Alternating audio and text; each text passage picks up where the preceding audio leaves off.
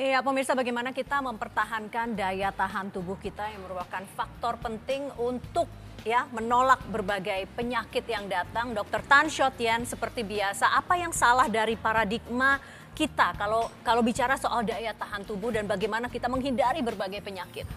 Saya ingin memperlihatkan yang disebut dengan uh, segitiga yang kita pelajari ketika di ilmu kesehatan masyarakat atau public health. Seluruh dunia saya rasa tahu kalau pernah sekolah jadi mantri, jadi bidan, jadi dokter, pokoknya tenaga kesehatan. Nah, kita mempunyai hmm, semacam uh, peta bagaimana uh, suatu penyakit, terutama penyakit infeksi, itu bisa masuk ke dalam tubuh kita. Kita punya tiga kontributor yang bermain, yaitu biang keladinya, si penyebab penyakitnya itu sendiri, lalu kemudian lingkungan yang mengizinkan dia masuk atau memungkinkannya untuk menginfeksi saya, dan ini adalah saya, tubuh saya. Ya, dari tadi, dari kemarin, dari minggu lalu, bahkan atau ancang-ancang untuk uh, men menjaga kita dari demam berdarah dan segala macam penyakit, banyak orang berisik tentang dua kaki di bawah ini. Maksudnya yang si, mana si virusnya betul, betul. dan si ya, lingkungan. Ya, penting banget saya tahu ya dari membersihkan eh, sarang-sarang uh, nyamuk, lalu kemudian men menimbun dan segala macam menguras penting bahkan fumigasi ya. Makanya ada uang proyeknya di situ. Tapi kemudian uh, uh, kita juga bahkan ada nih ada kelompok ilmuwan yang sudah memandulkan memandulkan si nyamuknya. Tapi satu hal yang di atas ini ya banyak orang suka tidak ini kita nih ya. Ini kita uh, ini ya. Jadi percuma saja kita memperbaiki dua ini tapi kalau kita membiarkan please I welcome you.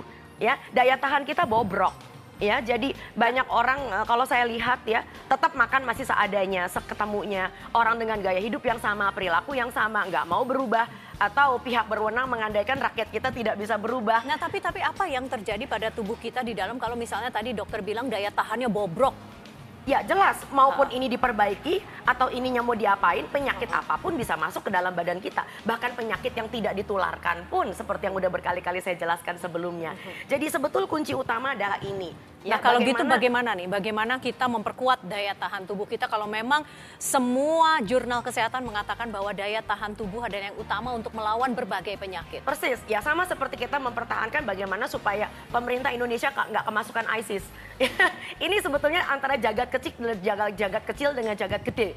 Ya jagat gede di luar sana adalah bagaimana supaya negara kita punya ketahanan nasional. Jadi omong kosong apabila kita itu terlibat perang dunia dan sebagainya di dalam skop yang lebih besar. Kalau kita sendiri tidak punya kemampuan untuk mempertahankan diri, eh, apa namanya pendidikan keluarga yang baik. Sekali lagi kita bicara tentang immunity. Nah, immunity atau daya tahan kekebalan tubuh di bidang kesehatan itu banyak sekali dipermainkan oleh banyak orang sehingga akhirnya ketika maksudnya dipermainkan dong ketika banyak sekali uh, isu tentang penyakit demam berdarah lalu orang sibuk bukan bicara tentang bagaimana kita menimbulkan imunitas dalam diri kita tapi orang jualan mulai muncul coba anda perhatikan ketika musim demam berdarah mulai masuk ada yang jualan jambu klutuk, ada yang waduh tiba-tiba jambu klutuk kan memang pas musimnya dong. Pas lagi musimnya. Uh, uh. Nah, ini yang menarik, ini uh, yang menarik. Kenapa ketika demam berdarah itu nyamuknya sedang berkembang biak dengan virusnya, Tuhan itu menghadirkan makanan-makanan yang sebetulnya menjadi penangkal. Apa artinya? Apa artinya? Artinya adalah ketika musim pancaroba, ketika musim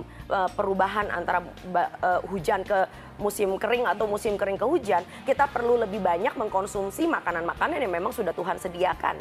Nah, ini yang menarik, man, bagaimana manusia itu berupaya macam-macam sampai buang duit habis-habisan bahkan tadi saya dengar ada bukan cuma sekedar obat yang baru ditemukan bukan cuma sekedar ini ada wacana ingin membuat virus apa antivirus dan vaksin terhadap berbagai macam virus. Ngapain sih capek-capek buat uang buat buang duit gitu loh ya? Jadi arahkanlah ilmu pengetahuan untuk mendongkrak apa yang sudah Tuhan beri apa yang bangsa ini sudah punya apa apa apa yang apa yang kita sudah miliki yang Persis. sebenarnya tinggal kita pilih untuk kita asup untuk ya. memperkuat daya tahan ya. tubuh dok. Nah daripada ilmuwan kita lalu kemudian meneliti tentang apa bagaimana menangkal virus yang baru, membuat vaksin, membuat antinya, membuat obatnya kita udah punya bagi banyak makanan gitu, udah punya banyak sekali saat antinya gitu loh ya. Okay. Kenapa bukan itu saja yang diteliti dan kenapa bisa begitu? Jadi hari ini saya juga ingin menjelaskan kenapa kepercayaan-kepercayaan di masyarakat tentang bahwa jambu klutuk itu bisa menyebabkan uh, apa namanya peningkatan ya, meningkatkan trombosit ya ya orang ya, kena ya. nah DBD. sekarang ternyata uh, jejaknya adalah seperti seperti gini rekam Bagaimana? jejaknya adalah begini kalau Anda pernah lihat ini adalah salah satu kepercayaan dan kepercayaan yang dimiliki oleh orang oh, Chinese. Oke, okay. mungkin ya ini yang ini kita bicara soal angkak, angkak ya. dulu ya. Kita Kelihatan tidak di kamera ya. Ya, ya oke. Okay. Jadi angkak itu adalah sebetulnya adalah beras ya. Ini adalah beras yang diberi ragi, yang diragikan oleh uh, apa namanya ragi bernama Uh, monas, di tangan lagi dong. Ya, ya, ya, yang namanya Monascus purpura. Jadi ini adalah hasil peragian. Ya, hasil peragian Tapi ini. Tapi aslinya beras gitu aslinya ya? Aslinya adalah beras putih. Nah, jadi hasil peragian ini menghasilkan benda bernama angkak.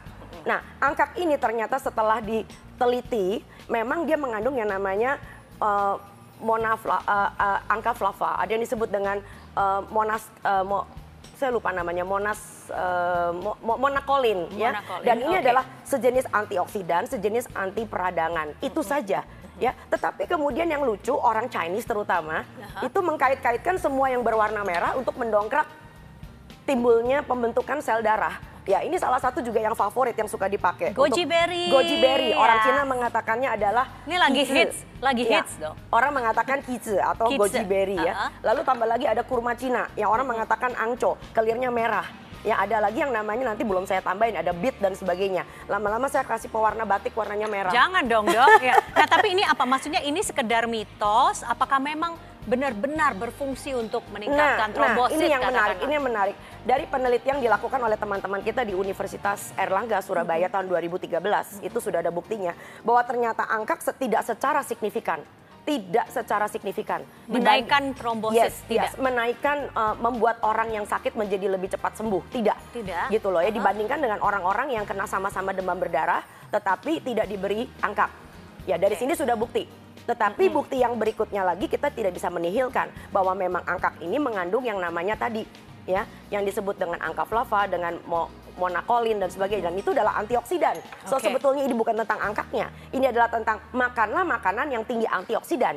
Antioksidan itu diukur dengan suatu ilmu pengetahuan yang sekarang punya parameternya namanya ORAK. ORAK itu adalah singkatan dari oksigen, radikal, absorbance, capacity.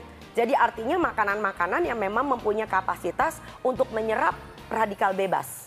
Oke. Okay, nah, dok. seperti apa makanan seperti itu? Nah, lihat tapi, warnanya. Lihat warnanya, warnanya harus bagaimana dok? Warnanya harus cerah. Memang mm -hmm. bukan karena dari kemasan, tapi karena dari awalnya. Ada yang merah, ada yang ungu, ada yang kuning, tentu saja ada yang hijau. Dok, kita sudah bicara angka Tadi kemudian ada goji berry, jambu klutuk termasuk yang sangat favorit. Ya, ya. jambu klutuk nah, itu tinggi vitamin C-nya. Iya, tapi nanti kita dari jeruk. Dok, jambu klutuk termasuk yang favorit ya. Kalau misalnya lagi ada orang kena demam berdarah minum jus jambu klutuk. Apa hasil penelitian terbaru, Dok? Hasil penelitian dilakukan oleh teman-teman kita di kali ini di IPB tahun 2015. Tapi sayangnya uh, tidak diterapkan pada orang, tetapi pada uh, tikus yang memang dikondisikan supaya seperti ke, uh, daya tahan tubuhnya atau uh, trombositnya mirip seperti kayak orang kena demam berdarah. Uh, dan mereka memberikan campuran antara jambu kelutuknya sendiri, daun jambu kelutuk dengan angka gitu loh ya. Dan ternyata memang uh, daya tahannya meningkat. Lalu kemudian pembentukan sel-sel darah kembali memulih ya. Jadi begini, uh, garis besar yang ingin saya uh, uh, uh, uh, terangkan di sini adalah kenapa orang demam berdarah itu kemudian gampang pulih dengan makanan-makan kepercayaan. Yang pertama adalah demam berdarah itu adalah suatu penyakit yang membutuhkan daya tahan kekebalan tubuh yang tinggi. Jadi dengan istirahat yang cukup, lalu kemudian menghentikan kebiasaan makanan yang salah, lalu kemudian kalau orang di rumah sakit kan kan dia nggak mungkin kan sembarangan bikin mie instan malam-malam kan, nggak mungkin kan dia jajan kerupuk kan gitu loh ya. Jadi otomatis dengan dia diatur makanannya, dipulihkan uh, apa namanya demamnya, dipulihkan kondisi volume cairan tubuhnya, so insya Allah dia akan sembuh dengan lebih cepat hmm. begitu loh ya. Jadi jadi berhenti, itu semua yang sebenarnya itu semuanya interaksi 100. Uh -uh. Jadi uh, kita nggak mungkin mengatakan hanya satu dua kontribusi saja. Sehat itu adalah berbagai kontribusi. Jangan lupa protein juga dibutuhkan uh -uh. ya. Jadi seperti kayak ini. Ya misalnya anda terbiasa dengan lumpia yang biasanya digoreng dengan kulit terbuat dari terigu. Nah lumpia iya, seperti sangat ini terbiasa dok. Di mana mana jualnya betul, semua kulitnya ini enggak, pakai terigu. ini kulitnya pakai omelet dalamnya pakai cincang ayam ada togenya lalu ditambahkan ada selada di dalam. So semuanya fresh. Ini antioksidannya tentu saja juga okay. tinggi. Nah, full Begitu protein loh. dan full protein. sayur ya. Jadi tolong diingat jangan cuma berfokus pada jambu kelutuk yang menjadi dewa tetapi juga proteinnya istirahatnya tidurnya cukup itu juga penting penting. Okay. Dan yang lebih penting lagi, jangan terpengaruh dengan makanan-makanan yang kayaknya, oh ini dari Cina nih, lalu kemudian ini terapinya orang Cina nih ya. Semua yang berwarna merah ibaratnya ibaratnya adalah penambah darah. Nanti kita merah muncul ketika Imlek aja. Oh Jadi pergilah ke sinse yang memang betul-betul okay. bisa memeriksa iya. Anda, yeah. pergilah ke dokter yang memang paham ya. Jadi uh -huh. jangan main dokter-dokteran, jangan main sinse-sinsean. Okay. Karena sindrom yang sama uh -huh. belum tentu mempunyai cara penanganan yang sama, tergantung Oke. kondisinya. Dok, eh, sayur juga penting, tapi kita bukan hanya bergantung pada sayur kan kalau untuk daya tahan Makanya tubuh. di sini saya dapat kemarin nih ayam. Oh, jatuh maaf. deh tuh, Ini nggak ada yang disebut dengan ayam kemanginya orang Manado. Oke. Kita punya ikan cakalang suwir. Ini dari sahabat saya orang Manado. Aduh ini sedapnya bukan main. Kita punya protein, kita punya karbohidrat, dan kita masih punya buah. Ini juga. maksudnya dokter karbohidratnya dari sayur kan, bukan karbohidratnya karbohidrat dari sayur, berpati atau terigu. Ya, tergantung. Kalau kerjaan kita keras, kita narik beca, kita kuli kapal, ya barangkali kita perlu karbohidrat yang jauh lebih padat. Tapi jangan sampai kuli kapal punya piring makan, lalu disamain dengan tante-tante yang cuma ngetik di depan laptop. Oke, Jelas siapa tuh karbohidratnya berbeda. yang ngetik depan laptop?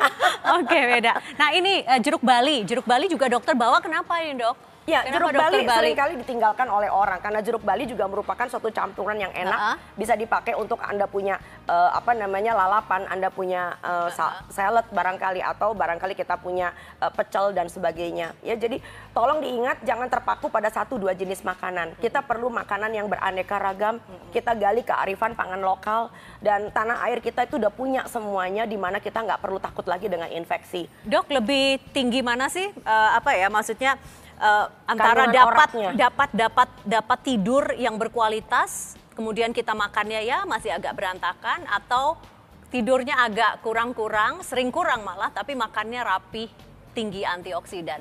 Nah, bagaimana tuh begini, efeknya kepada ah, bagaimana daya dengan keluarga? kita? Bagaimana dengan keluarga yang penghasilannya kurang tapi cintanya banyak?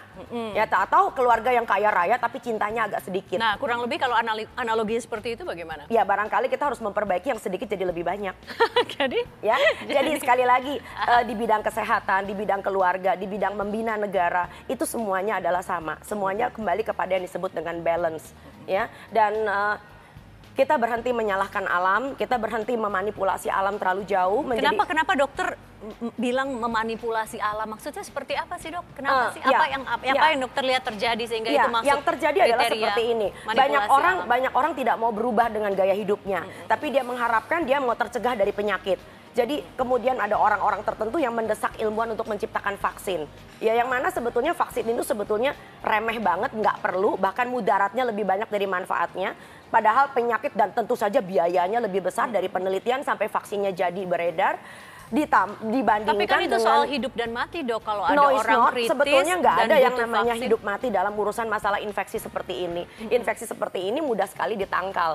Beda dengan vaksinasi misalnya TBC, BCG. Beda dengan vaksinasi misalnya difteri, polio, lalu campak. Wah itu memang gede banget ya. Dampaknya, itu yang disebut, makanya disebut betul Uh-uh. ya vaksinasi hepatitis. Makanya kita disebut sebagai uh, kita mempunyai yang namanya uh, vaksinasi uh, uh, uh, dasar gitu loh ya, vaksinasi dasar. Memang itu perlu. Tapi hal-hal trivia yang sebetulnya hal-hal yang sebetulnya kecil yang bisa kita uh, apa namanya tanggulangi sendiri karena kita perbaikan dengan daya tahan, kita mempunyai perbaikan di bidang gaya hidup. Saya rasa kok itu ringkes banget urusannya. Jadi hentilah dengan kemalasan dengan mengatakan hidup ini praktis lalu makan seketemunya bahwa hidup ini kenyataannya memang tidak praktis karena Tuhan itu tidak membuat kita dengan praktis. Dan yang berikutnya adalah galilah kekayaan pangan lokal, jangan cuma jargonnya doang atau kekayaan pangan lokal dimasukin ke dalam pabrik lalu pabriknya bikin dalam bentuk kemasan. Kok Oke. rasanya ada yang nggak beres ya gitu loh ya. Ya, bagaimana kita juga memajukan para petani lokal, bagaimana mendistribusikan apa yang dihasilkan oleh petani sampai ke dalam ke tangan konsumen dengan suatu garis yang tidak ada jeda di antaranya melibatkan berbagai macam kepentingan ya sedemikian rupa sehingga apa yang dihasilkan oleh tanah air kita ini mudah-mudahan Bismillah, insya Allah itu bisa dinikmati secara dinikmati secara merata oleh seluruh rakyat Indonesia. Amin. Yang mudah-mudahan itu eh, situasi yang begitu Betul. ideal ya dok Betul. ya. Ideal Oke. sekali tidak, asal kita mempunyai orang-orang yang berkecimpung di dalamnya yang punya akhlak yang baik, punya kehendak yang baik dengan tujuan yang baik. Dan rakyat menjadi tujuan, bukan menjadi sarana. Dokter Tan Shotien, terima kasih sekali lagi telah menginspirasi kita berbagai kesehatan, berbagai informasi kesehatan dan kali ini daya tahan tubuh. Oke, Yes. bukan sesuatu, bukan segala sesuatu makanan yang berwarna merah langsung kita lahap. Betul. Jadi Ya, nanti cat batik warnanya merah kita makan. Oke, baik. Terima kasih dokter. Sama-sama.